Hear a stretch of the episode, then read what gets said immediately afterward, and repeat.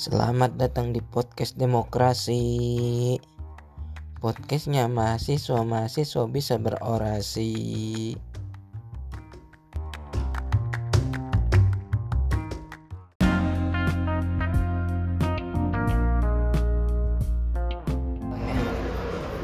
Oke, assalamualaikum warahmatullahi wabarakatuh. Gimana kabar ya teman-teman PPI semua? Kabarnya sehat-sehat selalu ya.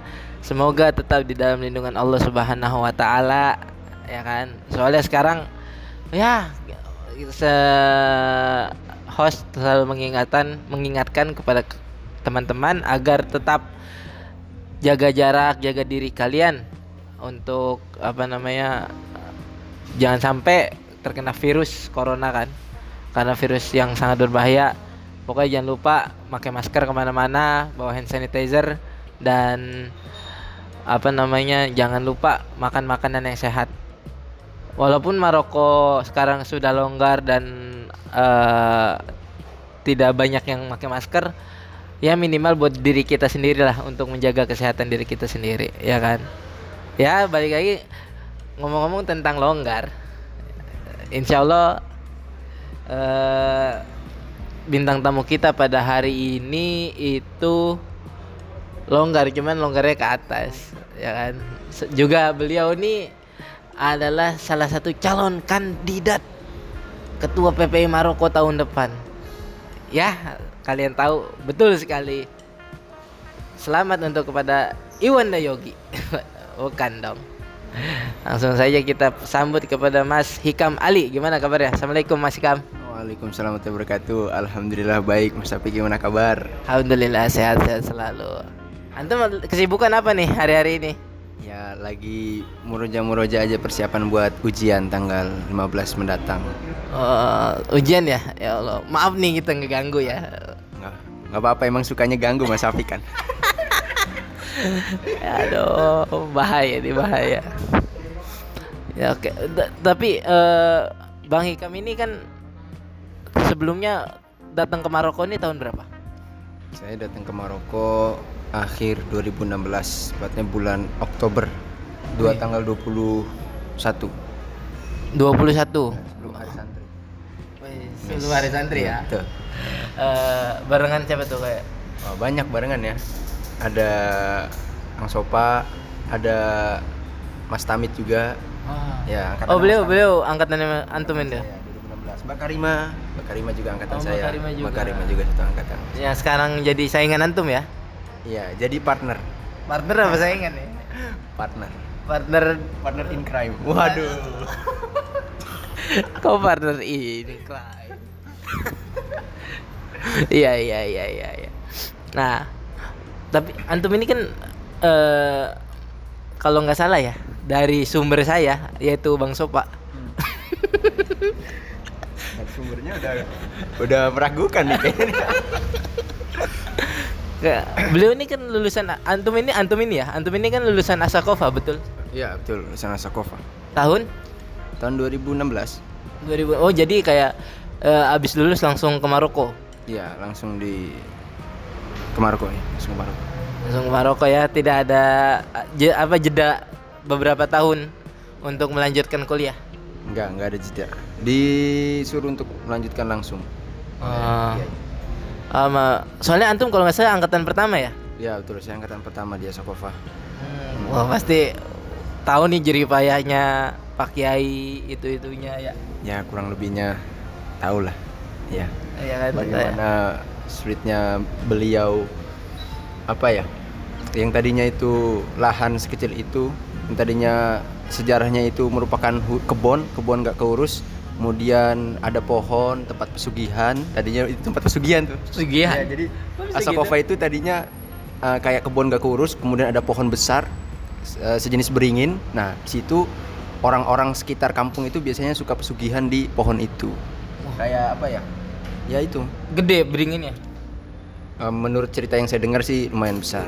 Gitu. uh, enggak maksudnya ba bang bang Ikam ini pernah ngeliat nggak beringinnya itu? Oh enggak. Saya diceritain oleh guru-guru. Uh, berarti udah ditebang pas bang ya pas saya datang itu udah ditebang kondisi pohonnya itu. Uh, hmm.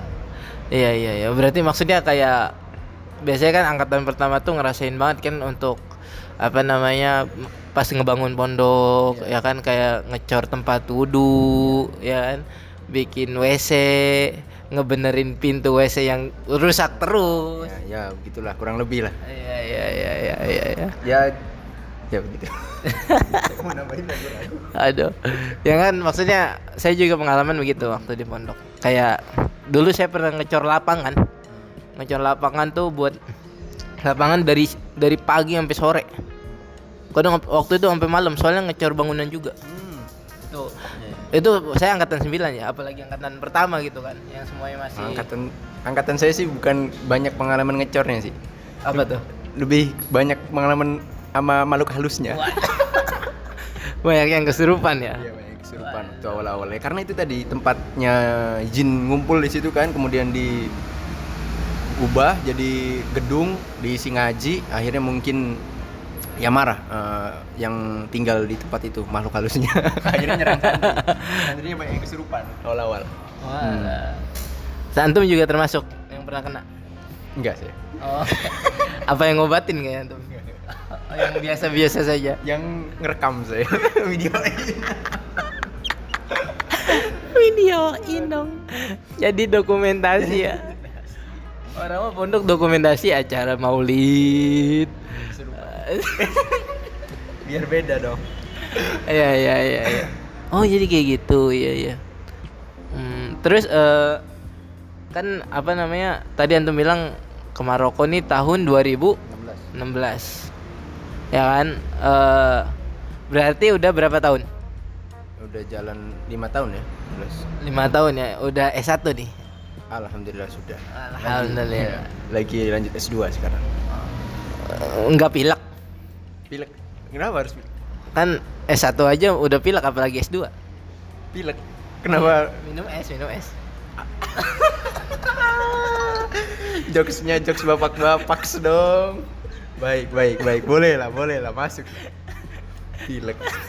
S1 S2 iya iya iya. Apalagi S3 kan? S3 waduh. Kayaknya demam tuh. Demam demam. kebanyakan es Oke oke. Gak tahu ya maksudnya kalau saya sendiri sama Mas Ikam emang suka ngobrol gitu. Lebih banyak ketawa. ya begitulah ya pokoknya ki- kita kita enjoy saja ya namanya juga podcast sederhana ya kan. nah lanjut. Hmm, tadi berarti antum di Asakopa berapa tahun? tiga Tiga. Walah. SMP-nya di mana? SMP-nya di SMP negeri Hmm, di di daerah Jakarta Oh di Jakarta ya. Nah, sebelumnya sebelumnya nih yang yang unik nih dari Bang Hikam ini adalah eh, kota di Indonesia nya. Saya mau sebelumnya nanya nih mau mau nanya antum lahir di mana? saya lahir di Palembang Sumatera Selatan Oke. Ya. Gede? besar di Jakarta Oke. besar kan di Jakarta Terus eh, lulus di lulus di Jakarta orang tua. Or- orang tua orang tua orang mana? Eh, ayah orang Pekalongan. Oh. Ibu? ibu? Orang Bogor. Rumit sekali ya. sekali. Masyarakat nomaden. Lebih banyak pindah-pindahnya ya. Ya Allah. Nah itu, itu yang yang yang unik dari beliau tuh itu. Maksudnya nggak tahu kenapa tahu-tahu lahir di Palembang, ya Ya. kan ya ada ceritanya tersendiri. Ya, pokoknya ada cerita itu. Mungkin di di podcast lain mungkin nanti akan dibahas. Nanya saya lahir kenapa harus di Palembang lahirnya saya juga tidak memilih tempat lahir saya. Eh, si- siapa tahu antum memang gara-gara ini kan suka empempe aja. Kayaknya sih. Saya lagi ngidam pempek gitu ya. Iya. Terus ke sana lagi ambil tua lahir. Waduh. nah, lanjut eh, antum eh, tiga tahun ya di Asakova. Nah, eh, pastinya pastinya ya pastinya eh, angkatan pertama itu pernah jadi pengurus ya kan? Mau nggak mau pernah ngerasain ngurus pondok betul? ya kurang lebih begitu cuman saya kurang ini sih kurang apa ya kurang andil dalam ngurus santri-santri rumah santri-santri di asrama Kenapa? Karena waktu itu posisinya ketika saya di akhir-akhir tahun tuh pulang pergi. Oh, emang deket? Maksudnya rumah sama pondok? Iya dekat kebetulan. Jadi nggak selalu netap di pondokan. Paling nanti eh, ketika ah- akhir tahun tuh ngebadalin, ngebadalin sorogan paling, ngebadalin eh, apa setoran hafalan kayak gitu sih. Subhanallah udah langsung jadi ustadz ya? Enggak, enggak, enggak jadi ustadz dong. Badal, badal kolak nih. ya nggak apa-apa, padahal yang penting tipis-tipis. Tipis-tipis. Bisa, tipis-tipis. Iya. Ya gitu lah. Oh alah. Tapi kok kenapa maksudnya berarti nggak ngerasain jadi pengurus apa gimana? Apa nggak nggak nggak effortnya nggak nggak lebih gitu waktu ngurus jadi pengurus? Enggak, enggak lebih waktu itu karena eh waktu itu pengurus masih didomin dominasi oleh ustadz-ustadz ya, ustadz-ustadz muda. Karena Oh, kebanyakan Ustadz Asokova waktu itu belum pada nikah kebetulan. ustadznya. Iya, jadi masih bisa tinggal di asrama 24 jam ngawasin santri secara langsung kayak gitu. Nah, barulah sekarang udah pada nikah, barulah sekarang alumni-alumni ini diminta untuk di asrama jadi pengurus kayak gitu. Oh alah. Tapi tapi kebanyakan ya, maksudnya kebanyakan waktu waktu apa? Waktu kelas akhir itu emang banyak yang pulang pergi apa gimana? Enggak sih, itu juga karena waktu itu sudah nggak ada kegiatan lagi. UN sudah selesai, eh, kemudian hafalan udah selesai, semua kegiatan udah selesai lah. Oh jadi, ja- iya biasa biasalah ya kayak apa anak kelas akhir udah nggak ada kegiatan bisa lah pulang pergi. Gitu. Terlebih. Ya ya ya ya saya pernah ngalamin. Enggak maksudnya waktu jadi pengurus dulu tuh jadi apa waktu di pondok tuh? Oh, paling di pondok itu waktu kelas 2 itu ya. Tahun kedua, banyak tahun ketiga itu paling jadi OSIS pernah lah jadi OSIS. OSIS di di Asoka Asoka apa namanya OSIS? Namanya dulu masih OSIS, sekarang udah ganti IPMA. Oh IPMA apa tuh? Mungkin Ikatan Pelajar Madrasah Aliyah Sokova mungkin. Nggak tahu saya. Oh, mungkin. karena saya nggak mengikuti lagi ya, karena juga itu eh, terjadi perubahan itu terjadi setelah saya lulus seperti itu. Dan saya udah di Maroko, jadi saya nggak terlalu Nggak ngikut ngikutin perkembangan. eh, perkembangannya. Cuman tahu aja, sekarang Iya, udah iya. ada namanya IPMA. IPMA ya. Nggak OSIS lagi. Kalau Ipman film. Ip Man itu kartun kesukaannya Bang Sapik gitu. Oh, Ip Man, Ip Man, Ip Man, Ip Ip Man. Man ini bela diri ya, bela Bela diri, sorry. Saya ingetnya Pac-Man dong. Apa tuh? Saya tidak tahu. nggak tahu. Tidak Ah, tahu. Kayaknya emang kartun antum itu ya. Referensinya kurang ini. Game, game itu game Pac-Man. Ya. Ya, Oke oke oke. Oh seperti itu. Ya, jadi OSIS dulu namanya. Mas. Enggak di OSIS jadi apa? Di OSIS dulu saya jadi wakil ketua. Oh, sama ya kayak Alfian. Alfian juga. Oh, jadi wakil ketua juga. Wakil ketua juga sama kayak OSIS gitu yang wakil. OSIS pondok dulu. Oh kayaknya kayaknya banyak yang kalau nggak salah Arif juga Arif ya Arif Arafa tuh wakil juga apa kemarin? Wakil juga. Wah tiga tiga wakil ya ntar belum belum kita belum nge- ngetek Mbak Karima. Ntar apakah dia wakil juga? Jangan-jangan dia Wikil. yang ada aja kelebar. Iya, iya, iya. Kan wakil jadi wikil gitu. wakil. Oh iya iya. Jadi wakil. Berapa lama? Setahun. Iya setahun kurang lebih setahun. Karena waktu itu eh, tahun kedua, kemudian pas tahun ketiga langsung di pergantian osis Oh. Jadi setahun doang. Enggak, maksud saya eh itu kan OSIS tuh yang ngurus seluruh santri apa masih ditanganin ustadz? Waktu itu osis lebih ke kegiatan eksternal sih, di luar di luar belajar mengajar sama ngaji gitu. Oh. Ya misalnya ngadain klub bahasa kayak gitu kan. Kemudian ngadain eks, eh, apalagi kegiatan-kegiatan kayak mungkin muhadoroh di aula kayak gitu. Ini kegiatan-kegiatan di luar daripada kegiatan sehari-hari lah. Biasanya ya Sabtu Minggu itu tanggung jawab ngadain kegiatan di Sabtu Minggu kira-kira nih eh, eh, anak-anak nih dibuat kegiatan apa nih kayak gitu sih. Lebih kayak gitu. Oh berarti bukan yang ke keseharian gitu kayak misalkan ngegebrakin santri buat ibadah enggak yang kayak gitu? Apa gimana? Kayaknya waktu itu nggak nggak nggak ke situ. Karena karena posisinya juga waktu saya masih di Asakova itu santrinya belum terlalu banyak. Jadi uh, mungkin ustadz-ustadz juga nggak perlu but apa ya bukan nggak perlu kayak sudah mencukupkan dengan dirinya sendiri nggak nggak repot lah. Karena ngurus ngurus santrinya nggak terlalu banyak. Itu iya. itu itu aja. Jadi jadi osis nggak terlibat di situ waktu itu. Tapi waktu eh, saat ini sepertinya terlibat. Oh. terlibat ya kayak ada nanti bagian asrama itu ada ketua asramanya kemudian nanti setiap kamar ada penanggung jawabnya kayak gitu dari tahun kelas tahun akhir Oh, alah. banyak sekarang udah banyak ya sekarang ya. Berapa? 2 juta. dua 2 m Benar berapa? Tadi. ya dulu kan hanya sekitar paling seratusan kan seratus juga nggak Itu angkatan maksudnya awal-awal awal-awal udah seratusan. Enggak, enggak, enggak. Sekitar 90-an lah, dua angkatan. Jadi waktu itu kan ta- sa- angkatan saya dan angkatan di bawah saya. Iya. Jadi baru dua angkatan. Iya. Angkatan saya itu hanya 40. Hmm. Nah. Terus kemudian angkatan berikutnya itu katakan ada sekitar 70. Wah. 70, dua kelas. Berarti ya sekitar seratusan kan? 100. 110, 100. Itu SMA semua. Ya, Alia belum ada MTS waktu itu. Oh alah. Dibuka waktu saya udah keluar, udah lulus. Baru dibuka angkatan pertamanya mulai ada MTS. Oh iya iya. Ya. Karena gedungnya juga belum ready kan. Masih dipesen. Belum ready kakak. Eh, insya, insya Allah minggu depan. order gedungnya waktu itu. Ini pondok pre-order. Oke oke. Nah maksudnya udah berarti berarti emang udah nggak banyak kan ngurusnya dan segala macam waktu itu. Nah berarti kan eh, santrinya masih dikit gitu. Nah itu kalau kalau lomba-lomba keluar tuh gimana?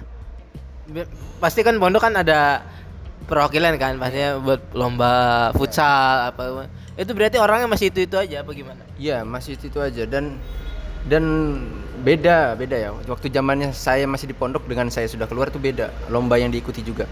Waktu dahulu itu, waktu angkatan saya masih ada di Asakova, lombanya lebih ke apa? Lebih ke yang sifatnya akademik lah. Akademi. Iya. Hmm. Eh, di luar olahraga lah. Iya iya pokoknya yang Ah. bukan futsal, bukan Iya, volley, bukan. karena kalau kita sebenarnya mau ikut lomba olahraga volley futsal, Iya. eh, tapi orangnya kurang. itu padahal udah ditambahin sama tukang sapu ya. Masa nanti nyabut pemain dari luar? eh soalnya kan kalau yang lomba akademik tuh paling tiga orang. Tiga paling orang paling banyak kan, misalnya eh, lomba syarahil Quran, tiga orang kan paling banyak. Iya, iya. Lomba pidato satu orang, lomba qiraatul kutub satu orang. Jadi kan tidak membutuhkan banyak orang kayak Ah. gitu. Akhirnya yang di lomba yang diikuti lebih banyak lomba yang sifatnya akademik. Berbanding be- apa berbeda dengan yang zaman sekarang itu malah justru yang akademik ini nggak muncul Asokova tuh sekarang. Oh. Saya melihat melihatnya seperti itu ya. Oh iya Lebih iya. iya. muncul yang futsalnya menang, volleynya menang, silatnya kayak gitu. Cuman akademiknya nih semenjak angkatan saya keluar Iya. itu tidak ada kader penerusnya lagi. Ini sangat Cuman disayangkan mungkin sih. mungkin eskulnya ada cuman buat buat lomba-lombanya nggak ada. Eskulnya ada, lombanya juga tetap diikuti. Saya ikutin infonya, hanya saja belum berhasil gitu. Emang belum belum waktunya. apa Belum waktunya kan juga kayaknya belum menemukan penggantinya gitu. Siap. Berarti kalau kayak gini, kalau nggak salah, antum juga kan termasuk yang pernah ikut lomba-lomba akademis itu kan? Ya, ya, ya, ya. Kalau nggak salah dari sumber saya, Ya, itu bang Sofa. itu kata beliau tuh, apa Bang Hikam juga pernah ikut lomba pidato salah satunya. Saya pernah ikut lomba pidato pernah, olahraga juga pernah. Iya. Maksudnya yang yang menang pidato kan? Olahraga juga menang. Oh menang juga. Volley waktu itu, tahun-tahun terakhir. Oh alah. Ya, Jadi- ketika udah tahun ketiga sudah banyak, udah lumayan banyak kan anak anak apa angkatan ketiga kelas 1 aliyahnya banyak waktu itu Hmm. muridnya dan lebih banyak condongnya ke olahraga akhirnya kita ikut poped popeda apa tuh? pekan olahraga apa Beda. daerah belakangan Oh, daerah. karena ada popenas Oh iya. Nas nasional udah daerah iya, jadi iya. daerah tuh hanya DKI Jakarta Setahu saya pos peda. pospeda ya pospeda sorry popeda sih kurang X ya ya pospeda ikut pospeda waktu itu Oke oke. banyak Oh iya. Pidato dari Beda. awal sih. Kalau pidato dari saya kelas naik kelas 2 itu udah mulai ikut. Pidato. Mm-mm. Oh. Karena sebenarnya waktu awal-awal kelas 1 itu kita sudah mulai ikut lomba, mengirimkan kader-kadernya untuk ikut lomba ya eh, di pondok-pondok sekitar Jabodetabek. Hanya saja waktu seleksi saya malah justru nggak terpilih. Kenapa? Walau alam ya. Sa- saya sih nangkapnya waktu itu jadi ada dua juri nih, dua juri. Yang satu ini kurang suka sama saya. Apa masalah internal? Eh, ya kan saya so- suka guyon kan orangnya, suka ngebanyol. Mungkin dia kurang suka sama orang-orang yang humoris kayak gitulah. Dia agak serius orangnya. Jadi dari waktu itu saya tidak diloloskan. Oh. Nah, dan efeknya tidak ada yang menyebut gelar. Wah, jadi, jadi, jadi berasa, wah kayaknya mungkin gara-gara gua nggak masuk nih. Iya, enggak, enggak gitu sih sebenarnya. Cuman barulah setelah setelahnya, setelah di- ada lomba lagi, kemudian eh, saya langsung ditunjuk waktu itu, nggak pakai seleksi. Udah kamu masuk gitu, ikut. Nah, Habis itu? alhamdulillah, mulailah tuh ya, menyambut gelar seperti itu. gelar demi gelar. Asik. Anjay, emang emang the real champion. Ya, nggak langsung juara satu juga waktu itu. Jadi mulai dari benar-benar dari bawah, Ah, dari harap. Waktu itu pertama kali saya ikut lomba di Istiqlal. Ya apa? Eh, lomba pidato bahasa Inggris di Istiqlal Ya. dalam rangka Murid Nabi. Saya dari sekitar 90 peserta yaitu dari berbagai pondok di Jabodetabek. Saya alhamdulillah pertama kali perdana dapat harapan dua. Ah, Harapan dua di situ. iya, iya, Terus iya. berlanjut ke Darul Rahman di Parung, Ya. kemudian di Asidikiyah juga pernah kalau nggak salah. Kemudian di mana lagi? Di UNU waktu itu. Unung mana? Oh, UNU waktu itu Universitas Nahdlatul Ulama di Oh. Parung juga. Oh saya dengerin Unung. Unu, Unu, Unu. Waktu itu namanya masih Unu, sekarang udah Unusia kayaknya. Oh. Ya itu. Ya dari Harapan 2 kemudian pernah juara Harapan indah. ya, Harapan 2 lagi di di Istiqlal. Kemudian baru setelahnya di Darul Rahman, di Unu dan di eh, mana lagi satu lagi saya lupa. Itu alhamdulillah juara satu. Juara semua tuh. Iya, juara satu. Maksudnya step-step. Iya, juara terus. Jadi tapi mulai dari Harapan 2, kemudian saya memperbaiki kan. Wah, ini kurangnya di sini, kurangnya di sini. Subhanallah. Alhamdulillah dapat juara satu perdana. Jadi uh, orang pertama kali menyabet piala juara satu tuh saya dan teman saya. Waktu itu partner saya selalu ikut dengan saya itu dia pidato bahasa Arab. Bang Sopa siapa? Bukan, namanya Farhan. Oh, Iya. Farhan juga deh. Farhan. Farhan. Farhan. Jadi kami bener-bener bareng selalu. Istiqlal ada bahasa Arab, bahasa Inggris kita berdua dikirim. Jadi udah chemistry-nya udah, Udah dapet. chemistry-nya, iya. Kita selalu berdua gitu. Dan alhamdulillah ketika saya dapat juara satu, dia pun saat itu juga juara satu. Anjay. Double apa? Double double. Kalau yang di Premier League tuh kalau dapat apa? tri- treble winner kan. Ya. Nah, ini bawahnya treble winner tuh apa? Double lapis double winner lah. Ah, Gitu. Oh, anjay. Maksudnya maksudnya banyak juga ya maksudnya prestasi-prestasi yang antum eh lihatkan tadi yang saya dengarkan. Eh, Berarti maksudnya semua tuh semua tuh tetap yang saya lihat tadi antum ini tetap ber berkonsistensi dan apa namanya eh, mengurangi kesalahan-kesalahan yang Iya. ada memperbaiki lebih terbaik. Kesalahan-kesalahan yang Ya saya emangnya orangnya gitu sih, eh, Mang Sapik. Kalau udah serius sama sesuatu, tuh ah pasti saya bener-bener seriusin gitu. Bismillah ya Allah. Bismillah ya lah. Bebe. ya itu juga nggak terlepas dari bimbingan pelatih saya waktu itu. Siapa? Alumni Maroko juga, alumni Imam Nafi. Siapa? Namanya Bu Tasfiatul Fikri ya. Ah. Angkatan pertama waktu itu di sini di Maroko.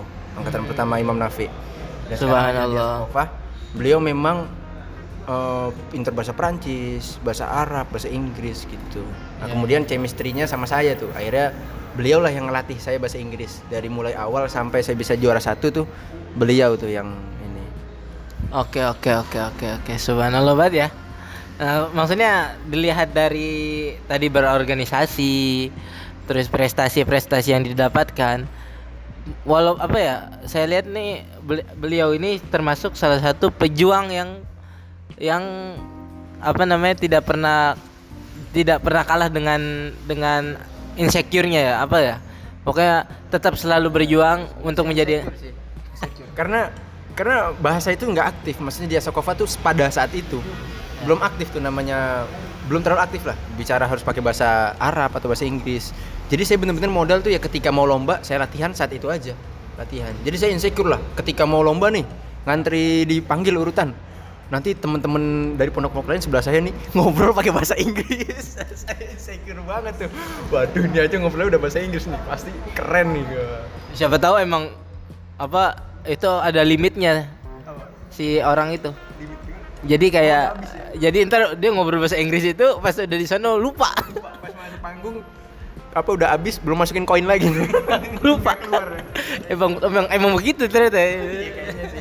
ya begitulah Iya, pokoknya seperti itu Bang Hekam nih. Jadi dilihat dilihat dari ke belakangnya tuh keren-keren gitu. Pokoknya tinggal antum-antum mau milih siapa, mau milih apa gitu. Siapa yang bakal terbaik untuk menjadi ketua PPI. Nah, sekarang kita sudah melihat sebelumnya gitu. Masa-masa sebelumnya, masa-masa lampau yang telah beliau lewatkan. Sekarang kita masuk ke visi misi foya-foya. visi visi vi- visi misi. Eh, pastinya setiap ketua mempunyai visi misi yang berbeda ya. Mungkin ada beberapa yang sama gitu. Karena melihat kekurangan dari PPI-nya sendiri. Tapi dari antum. Kira-kira visi antum apa nih? Kita ngomongin visi dulu. Ya, visi misi saya seperti yang udah disampaikan di debat calon kemarin kan. Ya mewujudkan PPI yang lebih inovatif berkarakter dan menjadi rumah bagi seluruh anggotanya oke itu visi Iya visi. Kenapa inovatif ya maksud saya? Ya saya melihatnya sih di segi ini ya media sosial ya.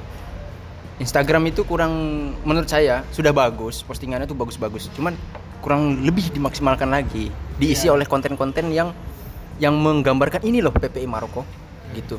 Ketika kita hanya me- misalnya mengucapkan selamat hari Kartini, selamat hari batik, itu kan tidak Tidak men- ada menunjukkan ya oh, Maroko apa sih yang berbeda dari PPI eh, membedakan PPI Maroko dari PPI PPI lainnya. Nah, Jadi kita harus lebih inovatif itu yang pertama. itu maksud dari inovatif Iya inovatif. selanjutnya Ya, prog- program-programnya juga lebih dikembangkan lagi tentunya. Oh. Nah berkarakter juga salah satunya ini yang jadi apa titik berat saya. Apa yang membedakan tadi PPI Maroko dengan PPI lainnya? Kita kan tahu lah, kita semua di sini di Rosat Islamiyah. Betul. Tapi selama ini menurut saya belum ada konten yang benar-benar menggambarkan kedirosatan Islamiyahnya PPI Maroko gitu.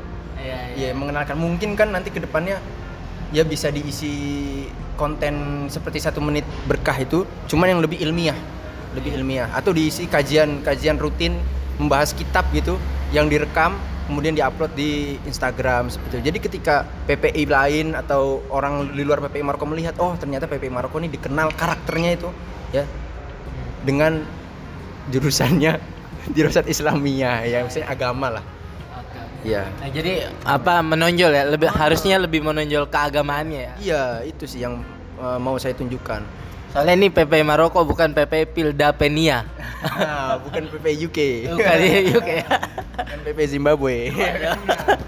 Kita tunjukkan nih apa yang dimiliki sama anak-anak PPI Maroko gitu di di media sosial yang PPI Maroko punya kayak gitu.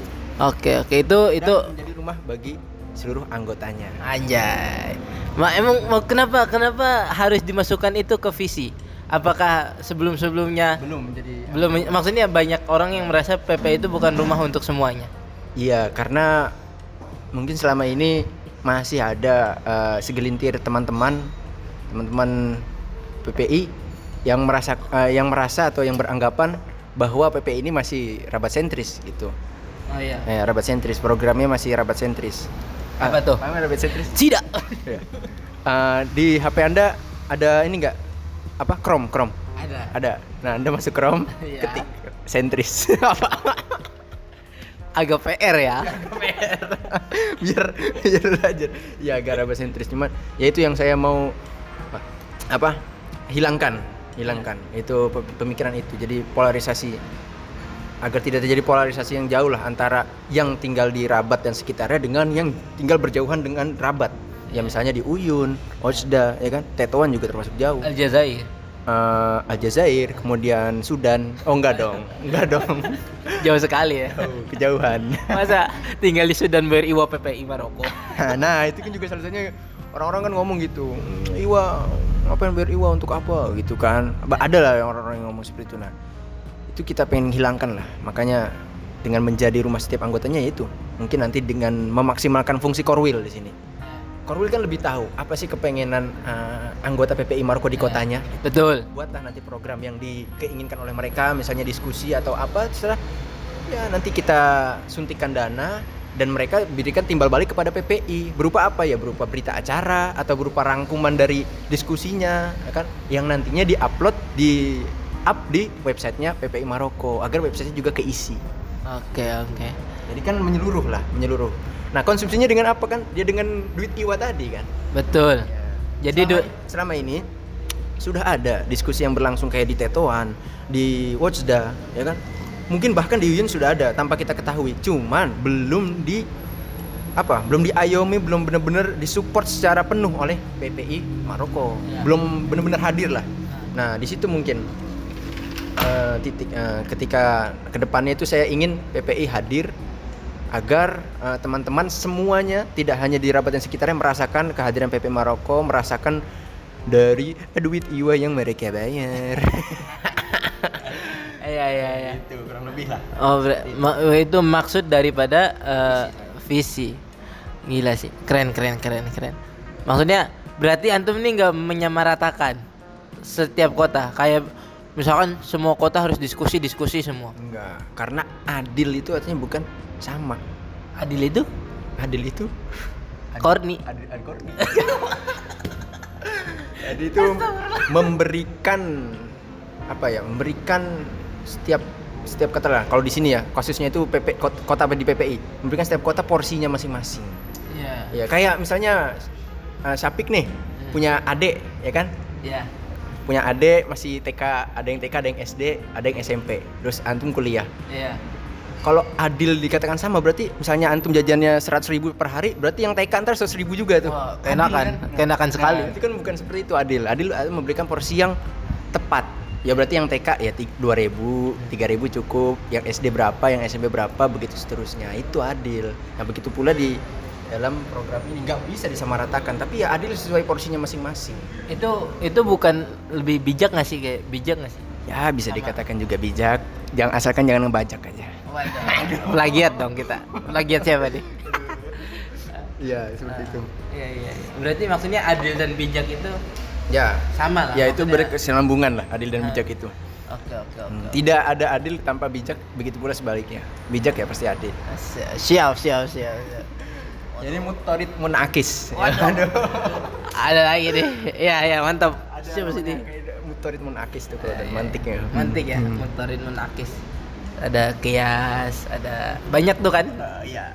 di di mantik. Ya, mantik apa? Pemantik kafe. Oh. Oh, mantik itu ini. Oh. Korek. Oh. Pemantik itu bu ilmu ilmu mantik ada Oh iya. iya. yang kita pelajari. Emang beliau ini salah satu terkenal ini ilmu mantiknya ngelotok kalau kalau saya dengar-dengar dari apa suara burung. Nah, ini udah mulai ngaco sih Ya, kalau ini. maksudnya just just for just for your information gitu. Mungkin ada yang mau belajar ilmu mantik dan segala macam bisa lah. Enggak sih, saya lebih ke ilmu pergombalan mungkin ya. Belajar dari Ustadz Sapik. ada. Wah, mulai playing victim nih. Reza Sapik bahasa lama. Parah. Gak apa-apa, gak apa-apa. Kita demokrasi. No, jokes, jokes, jokes. Oke, oke. Nah, itu tadi visinya. Misinya nih ada berapa kira-kira? Maksudnya misi antum untuk Untuk mewujudkan mewujudkan tersebut. Ah, Iya, ya kurang lebih ada lima poin lah.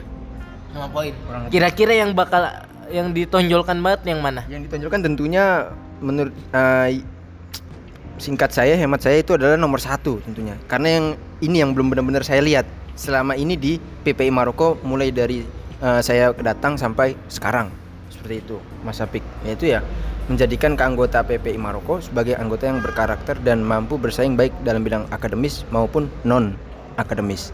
Nah, bidang akademisnya ini yang belum saya lihat benar-benar Oh, kayak seperti apa tuh? Ya, dalam artian ada program PPI Maroko yang diperuntukkan untuk menunjang eh, capaian akademik teman-teman anggota PPI Maroko. Seperti itu, Mas Abi. Oh, iya iya iya iya. Jadi selama ini teman-teman tuh hanya apa? Apa? Tetauan aja kayak ya inisiatif masing-masing. Iya, iya. Di tiap kota sudah pernah ada, cuman belum terorganisir dan belum benar-benar nggak nggak di dikumpulin satu Iya, wadah satu wadah dan belum terorganisir dengan baik gitu loh. Akhirnya ya ya begitulah. Harusnya menurut saya PPI bisa hadir dan dan apa ya? Dan mensupport nge- inisiatif teman-teman yang sangat-sangat bagus sekali karena ya ter- em, kita pungkir atau tidak ya kita datang ke sini ya untuk belajar di eh, universitas lah dalam artian Betul. Iya kan oke kita ha- perlu juga belajar di luar kelas dalam artian ikut seminar ikut majelis halakoh iya itu penting banget penting banget cuman ketika kita ikut seminar halakoh akan tapi di universitasnya kita tidak lancar katakanlah ya tidak mendapatkan hasil yang diharapkan Ya. nanti kan akan sulit juga iya iya iya iya. ya kan akan sulit juga Eh, nggak nggak apa namanya jadi nggak seimbang tidak seimbang. Nah, ya keinginan kami itu yang menyimbangkan itulah. Jadi di sisi PPI Maroko itu memiliki program-program yang menunjang eh, capaian non akademis ya mulai dari tadi seminar kemudian yang bersifatnya olahraga kesenian itu bagus banget Sudah ya. banyak. Oh. bagus ya. Dan sudah sudah banyak alhamdulillah. Sudah banyak. Jadi minat-minatnya tersalurkan semuanya. Nah tinggal akademiknya yang belum ada. Nah yang saya ketahui yang saya ketahui ya itu sudah ada akan tapi hanya masuk ke- di program tambahan. Oh. program tambahan program tambahan gitu di GBPK jadi belum eh, tahun ini pun belum benar-benar direalisasikan. Ya saya harapnya sih ketika memang nanti saya dipercaya saya ingin berusaha keras lah bagaimana caranya agar bisa terrealisasikan. Karena ini untuk kemaslahatan teman-teman semua gitu. Betul itu betul. yang sepengalaman saya sendiri ya. Saya di Iya. Tanger kemudian lanjut saya di Rabat pun seperti itu. Masih juga seperti itu. Mas banyak teman-teman yang membutuhkan bimbingan dari eh, mungkin senior atau orang yang lebih eh, bisa untuk menunjang capaian akademik seperti itu. Nah hmm, buat contoh misalkan contoh kecil nih buat antum nanti maksudnya untuk mengembangkan akademik di Maroko ini gimana? Di PP Maroko? Ya saya inginnya sih diadakan ada program apa gitu? Ya diskusi ya ada tiga sih. Ada tiga poin ada tiga tiga gambaran lah. Tiga poin yang gambaran yang yang udah tergambar gitu. Yang pertama itu eh, tentunya adakan yang sudah berjalan oleh teman-teman inisiatif teman-teman sekarang itu diskusi eh, grup belajar. Grup Ah. belajar belajar mukoror itu. Ya ya mungkin di kasus juga sudah ada. Ada ada. Saya di eh, diinisiasi oleh Ustadz Al Mukarram Sofa Najib Sofa ya kan? LC saya, sebut nih LC lulusan kafe. Ya. gitu. Kemudian di kota lain juga ada seperti di Kenitra mungkin diinisiasi oleh Ustadz Al Mukarram eh, Soim ya kan? Ya, ya. nama Soim ya kan? By juri mungkin. Nah, kemudian di kota-kota lain seperti itu. Nah itu inginnya kita benar-benar eh, PPI juga ikut apa ya maksudnya mensupport program itu mengorganisir siapa siapa penanggung jawabnya dan nantinya eh, agar lebih terorganisir lah teman-teman siapa yang membutuhkan. Nah itu yang pertama. Kemudian yang kedua eh saya tuh ingin melatih eh, pengajian pengajian kitab. Itu ini yang di talim atik ya. Karena di talim atik itu mukorornya itu menggunakan kitab Mas Afik Oh, dan iya. Mas Afik juga sama kan? ya ya kayak langsung hari salah. Ya harus salah. Harus salah. Vicky Vicky ini Vicky Maliki itu. Oh bukan bidatul mujtahid ya bukan bukan. Oh Mukhtasar Holil iya Mukhtasar Holil Holil itu. Eh, Hasyiah Ada- Mukhtasar Holil Oh, ada yang a- hari salah tiga tiga jilid apa? Oh iya kita, belajar Vicky Maliki nah itu kayak gitu nah itu diadakan kajian kitab Ya. kitab seputar mukoror di eh, kampus. Ini yang khusus talimatik. Iya. Kalau yang tadi yang pertama itu talim ali gitu. Iya. Nah, kemudian talimatik ya mungkin diadakan pengajian kitab tadi yang mana kitab ini dibahas atau dijadikan mukoror di kampus. Kayak Ah. misalnya kalau di Nihai itu ada usul fiknya Jamul Jawami, Jim Jim. Kemudian ada fikihnya Bidatul Mustahid. Bidatul Mustahid. Kemudian ada apa namanya? Siroh Siroh Siroh Bukan makosidnya Syarah Muntakhob. Siroh mungkin agak sulit ya, tapi ya bisa lah Siroh itu pakainya kitab uh, fikih sirohnya Syekh uh, Syekh Ramadan Al-Buti. Ah, Uh, uh, Syahid. Terus kemudian ya dan kitab-kitab lainnya lah. ya. Kayak hadis ha- hadis uh, apa tuh? Al-Mufhim, Mufhim. Mufhim itu talkhisnya syarh syarh uh, Sahih Muslim tuh punyanya Imam Qurtubi kalau nggak salah. Nah, itulah kitab-kitab itu nanti yang dijadikan uh, apa ya? buat pembelajaran. buat pembelajaran ya teman-teman. Nah itu yang kedua. Yang ketiga, saya pingin teman-teman nantinya lebih dari bisa menjawab katakanlah menjawab ujian lah Ya. atau menghasil eh, da- mendapat hasil yang diharapkan Ya. di akademis. Lebih dari itu saya pengen ya. Ini kalau bisa sih. Ngelotok lah intinya. Enggak, Oh. bukan ngelontok. Tapi teman-teman bahkan na- nanti bisa belajar sendiri. Tidak Ah, perlu bergantung lagi kepada orang lain. Iya iya iya. Itu Udah yang pengen saya eh, yang capaian yang pengen di atas lah, di atas. Mungkin ya terlihat terdengar agak sulit, cuman ya apa salahnya kita mencoba nggak gitu. apa. Itu itu impian impian antum. Ya, itu poin yang ketiga. Dengan apa? Tentunya dengan belajar nahwu sorob, mengadakan kelas nahwu sorob untuk teman-teman. Iya iya. Iya. Kalau nggak salah ya antum ya. Antum ini pernah belajar amsilati juga kalau nggak salah ya. Waduh, kalau belajar amsilati sih kalau di pondoknya nggak pernah saya. Saya pernahnya langsung kursus langsung sama alumninya aja sih. Oh. Eh. Ustaz Zainal. Bukan. Ustaz Mutamid. Nah, Ustadz Muktamid pernah saya sedikit Ah. eh, kursus dengan beliau waktu itu. Mau mukobalah di Imam Nafi. Ya waktu Tapi tapi kan Ustaz Sofa juga Om Silati juga tuh beliau. Oh, Kan Ustaz- Antum kenapa? Ustadz Sofa itu udah guru saya di segala bidang, di segala fun. Tapi kenapa pas Om Silati tidak? Apa antum punya masalah sama beliau? Karena jaraknya jauh kebetulan Mas Apik. Oh. Ya Ustadz Sofa di Casablanca, saya di Tanger, mohon maaf. Di Iya. Tanger ada Ustadz Muktamid. Ya. Ada Ustaz Mutamid. yang satu rumah sama saya. Oh. Ya udah akhirnya sama beliau. Oh, oh, kayak gitu. Oke oke. Oh, Apa- ya itu bisa di amsilati itu bisa diadakan pelatihan amsilati yang intensif jadi diadakan beberapa pertemuan itu agar nantinya diharapkan outputnya adalah teman-teman setidaknya bisa membaca literatur Arab dengan baik dan benar tanpa harus dibimbing lagi dalam artian tanpa harus ada yang menjelaskan gitu bisa lah baca dikit-dikit gitu itu yang saya harapkan tipis-tipis lah. Iya, itu yang saya harapkan. Bagus, eh, lebih bagus lagi nanti kalau wah udah saya bisa belajar sendiri gitu. Alhamdulillah, jadi bisa mandiri. Dan nanti ke depannya ketika pulang, eh, mereka-mereka teman-teman kita semua sudah siap gitu loh. Iya iya iya. iya. Jadi nggak takut ditanya sama orang rumah, ya, nggak nggak takut kalau pulang ke rumah nih belum bawa apa-apa gitu.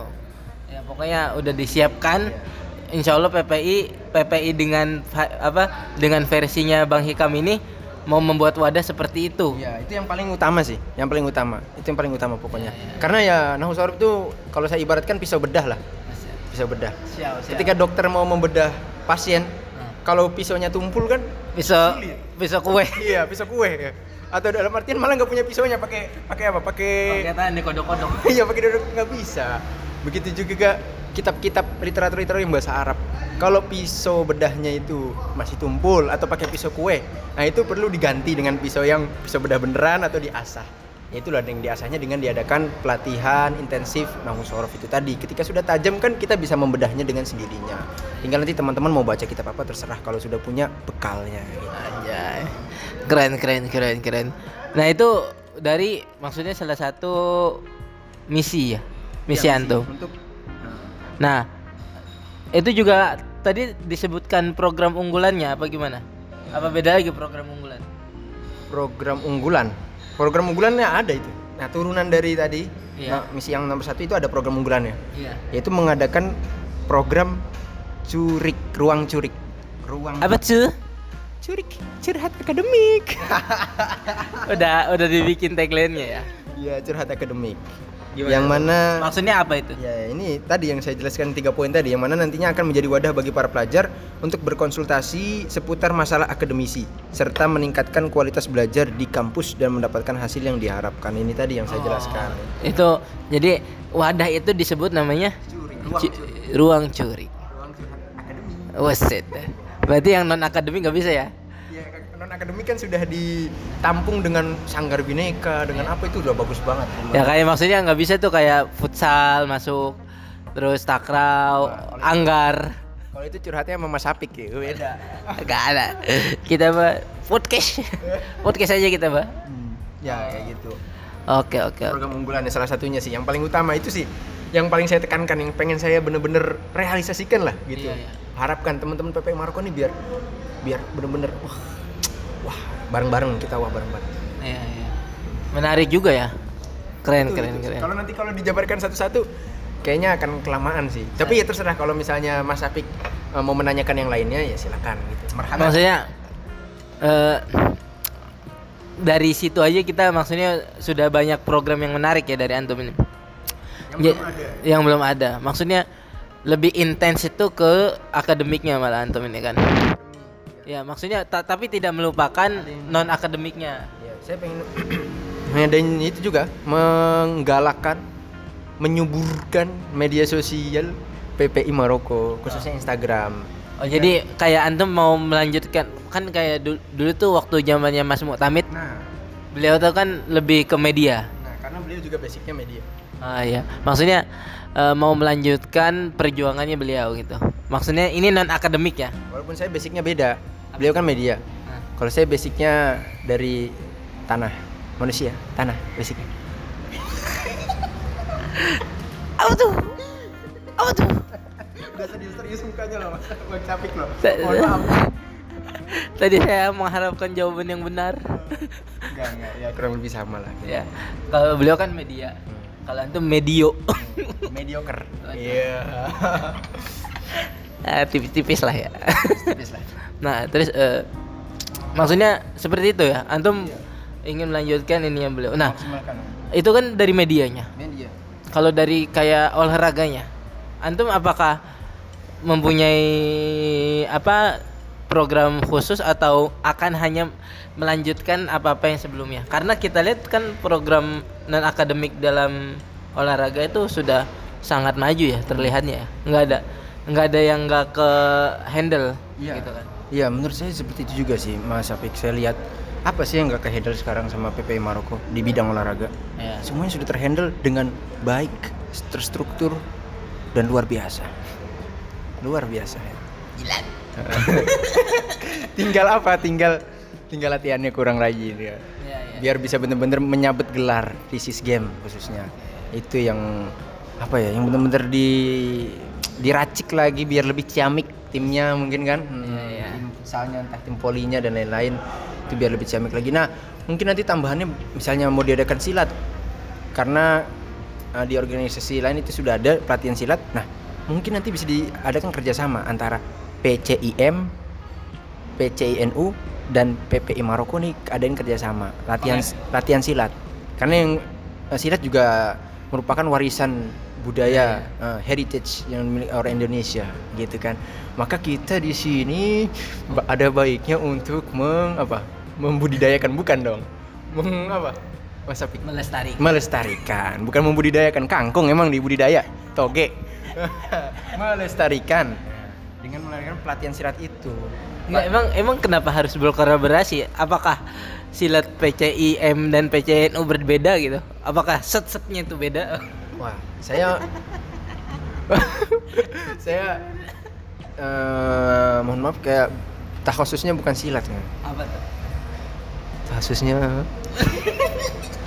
jadi saya kurang kurang kurang paham harus ada perbedaan atau enggak cuman yang saya yang saya tahu eh, PCNU punya pagar nusa kemudian PCM punya apa namanya itu Merpati putih. bukan merpati putih bukan Apa? aduh teratai ya lupa saya lupa benar Oh ya. seragam seragamnya warna merah Ya. ya nah itu mungkin bisa- PDIP.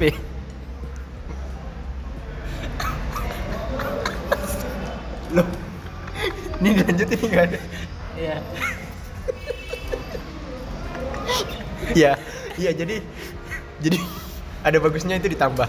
Jadi yang sudah ada kayak futsal sudah ada, ya kan? Kemudian apa lagi yang sudah ada? Pelatihan gamelan. Cimande. Cimande, Cimande Betawi dong. Oh bukan. masih berusaha ini, saya masih berusaha. aduh, teratai putih. Nggak salah. Namanya. Pokoknya putih-putih gitu kan. Eh, apa gimana tadi? Iya. Ya, jadi diadakan kolaborasi antara tiga organisasi ini.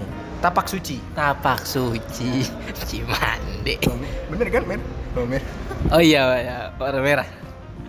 Ya. Oh, Ya. oh, maksudnya seperti itu. dia dengan kolaborasi kan selama ini gamelan udah ada nari juga mungkin udah ada saman kan Hmm. nah bisa nagar bineka kemudian futsal udah ada ya yang belum ada mungkin silat kita tambahkan Sam samanya saman ukhuwah. waduh bukan Eh sam'an wa ta'atan itu Oke, oke. Oh, seperti itu. Iya seperti itu. Itu mungkin program tambahan. Karena yang sudah ada itu bener yakin. Itu sudah bagus. Sudah bagus lah. Orson itu sudah sudah bagus dari tahun ke tahun. Gitu. Mungkin tahun kemarin itu karena ada covid saja akhirnya kegiatan Orson yang memang itu lebih ke offline kan? Iya, iya. nggak mungkin dong. Ayo kita latihan futsal online gitu. Iya. masing-masing tiap kota nyariin kamera. Bogol. Wah, ribet dong nggak bisa. Nah akhirnya mungkin kurang. Tapi insya Allah pra covid ini covid semakin membaik insya Allah ke depannya nah, bisa digalakkan lagi pelatihan-pelatihan yang sifatnya offline kayak sparring bersama Cisam atau Cesam atau PPMI Iya, iya, iya, iya. bisa dilakukan. Bisa seperti itu ya. bisa seperti itu. Oke oke. Nah, eh tadi kita sudah men- mendengar penjelasan banyak sekali dari Mas Hikam ya tentang program kerjanya. Tadi ada ya kan nge- ngejelasin program kerja, visi misi itu sangat berguna sekali untuk teman-teman yang akan memilih nanti. Jadi tentukan pilihan kalian eh, sebaik mungkin, sebijak mungkin.